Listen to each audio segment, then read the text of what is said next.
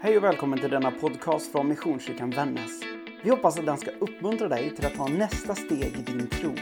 Om du vill ha mer koll på vad som händer hos oss, gå in och följ Missionskyrkan Vännäs på Facebook och Instagram eller kontakta oss via vår hemsida www.missionskyrkanvannas.se. Välkommen hem hit. Förra veckan så firade vi påsk och vi fick följa Jesus sista vecka. Vi fick följa hur han red in i Jerusalem, hur han firade nattvard med sina lärjungar och hur han tvättade deras fötter. Vi fick följa hur Jesus blev korsfäst, hur han dog och blev begravd. Men framför allt hur han uppstod från de döda. Men vid sidan av Jesus fick vi också följa en mängd olika människor. Vi fick följa deras väg i tro och hur de såg på den sista veckan och vad som hände med Jesus. Jag tänker på berättelsen om den romerska officeren och på rövaren på korset.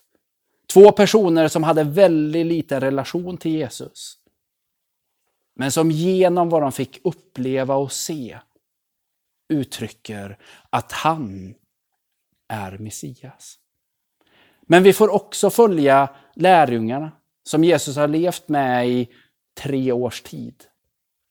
Vi får följa hur en av dem förråder Jesus, hur en av dem sviker Jesus, men också om hur de är förvirrade efter uppståndelsen och funderar på vad som har hänt. Och där några faller ner på knä och hyllar honom, medan andra tvivlar. I vår församling så har vi alfakurser. Alfa är en grundkurs i kristen tro där man möts vid tio tillfällen. Man äter mat tillsammans, man får lyssna till ett föredrag och så får man sitta och samtala i grupper. Om det man har hört och det man har förstått. Och så får man ställa massa frågor. Min erfarenhet är att det är väldigt många olika typer av människor som kommer till våra alfakurser. Det är de som har varit med i kyrkan och kallat sig kristna länge. Och det är de som är nyfikna kanske skeptiska, eller de som bara följt med en vän för att vara snälla. Men det som händer är ju att vi får möta människor från väldigt många olika sammanhang. Människor som har olika inställningar till det där med tro. Och människor som tänker väldigt, väldigt olika. Och en sak som har slagit mig är att vi människor, vi behöver olika saker för att bli övertygade om att Gud vill våra liv. För en del på alfakurserna så är gemenskapen runt matbordet det allra viktigaste. För andra är det föredraget, att faktiskt få redogjort för mig hur saker och ting hänger ihop. Och för andra så är det det där goda samtalet efteråt, där jag får ställa frågor och fundera ihop med andra. För en fjärde grupp så kanske det handlar om att få närma sig bönen. Att sjunga de där sångerna som har burit genom historien. Och få känna att mysteriet är någonting större än det jag kan ta på eller kontrollera. Dagens text är hämtad från Johannes evangeliets 20 kapitel. Den utspelar sig i slutet av påsken och en vecka framåt. Alltså den perioden som vi är inne i just nu. Evangelisten Johannes, han är den enda av evangelisterna som citerar lärjungen Thomas. Och det är om honom vi ska läsa. Vi vet ju från evangelierna att lärjungarna, de var väldigt olika till sina personligheter. De kom från olika sammanhang och var olika. Men Thomas, han beskrivs av evangelisten Johannes som en trofast vän. Någon som håller hårt fast vid det han har lovat. Men samtidigt är Thomas en människa som vill ha svar. Han ställer frågor då han inte förstår och han vill ha koll på läget. I texten från Johannes evangeliets 20 kapitel så får vi följa Thomas. Och då står det så här. På kvällen samma dag, den första i veckan, satt lärjungarna bakom reglade dörrar av rädsla för judarna. Då kom Jesus och stod mitt ibland dem och sa till dem, Frid åt er alla. Sedan visade han dem sina händer och sin sida. Lärjungarna blev glada när de såg Herren. Jesus sade till dem igen, Frid åt er alla. Som Fadern har sänt mig sände jag er. Sedan andades han på dem och sa, ta emot helig ande. Om ni förlåter någon hans synder så är de förlåtna. Och om ni binder någon i hans synder så är han bunden. En av de tolv, Thomas, som kallades Tvillingen, hade inte varit med när Jesus kom. De andra lärjungarna sa nu till honom, vi har sett Herren.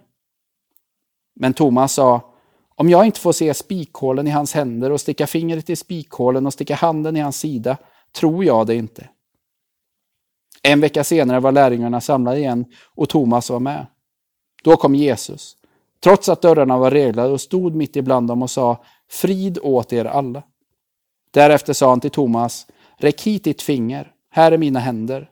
Räck ut din hand och stick den i min sida. Tvivla inte, utan tro. Då svarade Thomas Min Herre och min Gud. Jesus sa till honom Du tror därför att du har sett mig. Saliga de som inte har sett, men ändå tror. En av mina förmåner som pastor är att jag får ha vigslar. Och i och med vigslarna så får jag också ha vigselsamtal. Där pratar vi om kärlek och om relation. Och en sak som blir väldigt uppenbar i alla samtal är att de två parterna i paret tycker och tänker och har olika behov av det där med kärlek. Någon vill höra väldigt ofta komplimanger och hur mycket den andra älskar honom eller henne. Medan den andra tycker att det där är ju helt oviktigt och vill istället ha en kram, en puss eller bara bli omhållen. Behoven av att känna och uppleva att vara älskad är olika. På samma sätt kan vi se i andra forum, till exempel det här med tro. Att vi tänker och tycker och har olika behov av att uppleva, känna och motivera tro. För ett par år sedan så kollade jag på en amerikansk rättegångsserie. Den följde ett gäng advokater på en framgångsrik advokatbyrå i New York. Det som var spännande med serien var att man fick följa advokaternas sätt att arbeta. Där fick vi förstå att deras viktigaste uppgift var att förstå att människor blir övertygade av olika saker. Och att deras uppgift som advokater var att betona det för den juryn de mötte. Det kunde handla om vilken bakgrund juryn hade. Ibland vilket kön, men framför allt vilka värderingar och vilken personlighet juryn hade. 300 år före Kristus, 300 år före att Jesus levde och dog, så levde en, en filosof vid namn Aristoteles. Han eh, myntade tre grundprinciper i retoriken för övertygande tal. Många av oss känner igen de här från skolan, men låt oss ta dem igen. Han sa att bra tal har tre olika grundprinciper som man kallade för etos, logos och patos. Etos handlade om, om talaren, den som höll talet. Den personen behövde visa på auktoritet och karaktär. Den personen behövde också vara förtroendeingivande och peka på sin kompetens. Sen var det logos, som handlar om att kunna ge fakta och förnuftsargument. Att få saker och ting att hålla ihop och verka logiskt. Och så har vi patos, som handlar om känsloargument. Att spela an mot känslorna. Det kan handla om människors rädslor, människors glädje, människors ilska. Men att helt enkelt väcka känslor hos den som lyssnar.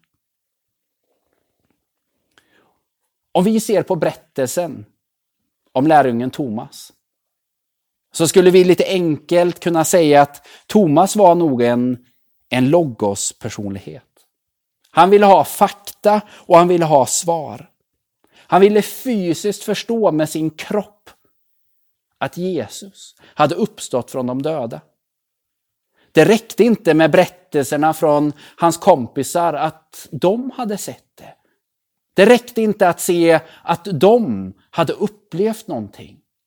Utan Thomas, han ville se det själv och få sina egna svar. Det räckte inte med känslor och att tänka att det var troligt, utan han ville själv förstå. Och det här är situationen vi kommer in i. Och det stora är ju att Jesus, han förstår att människor blir övertygade av olika saker. Sanningen må vara en. Men vi behöver olika typer av argument för att bli övertygade. Thomas behövde en viss typ av argument och Jesus möter honom i dem. Och det är det som är det stora. Att han möter Thomas precis där han söker. Bara i kapitlet efter, i Johannes evangeliets 21 kapitel, får vi se hur Jesus möter lärjungen Petrus. Petrus behöver inte alls bli mött på samma sätt som Thomas blev mött. Utan han behöver bli bemött med känslor, med omsorg och med helt andra typer av argument. Vilken personlighetstyp är du? Vad behöver du för att tro? Och vad behöver du för att växa i tro? Och vad behöver du för att bli övertygad om att Gud vill ditt liv? Om vi utgår från Aristoteles modell, de tre principerna, och förenklar det lite och gör det till tre olika typer av personligheter. Så har vi ju etospersonligheten. De där människorna där det inte spelar så himla stor roll med vare sig vad jag känner eller vad jag tänker. Utan det viktigaste är vem jag följer. Gud är Gud och det räcker för min tro. Sen har vi ju logos-personligheten, den personligheten som Thomas kunde klassificeras som. De människorna av oss som behöver förnuftsargument, behöver svar och behöver ha bevis. Som gillar att läsa böcker och ställa frågor och vara nyfiken. Och sen har vi patos-personligheten. Som är känslodrivna. Som behöver upplevelser och känslor för att veta att Gud vill mitt liv. Det här är ju självklart ingen fulländad lista på personligheter, men det kan ändå ge oss hintar om att vi är olika. Och sanning att säga så är vi kanske alla en blandning av alla de där tre. Men det stora i det är ju att Jesus vill möta oss där vi är.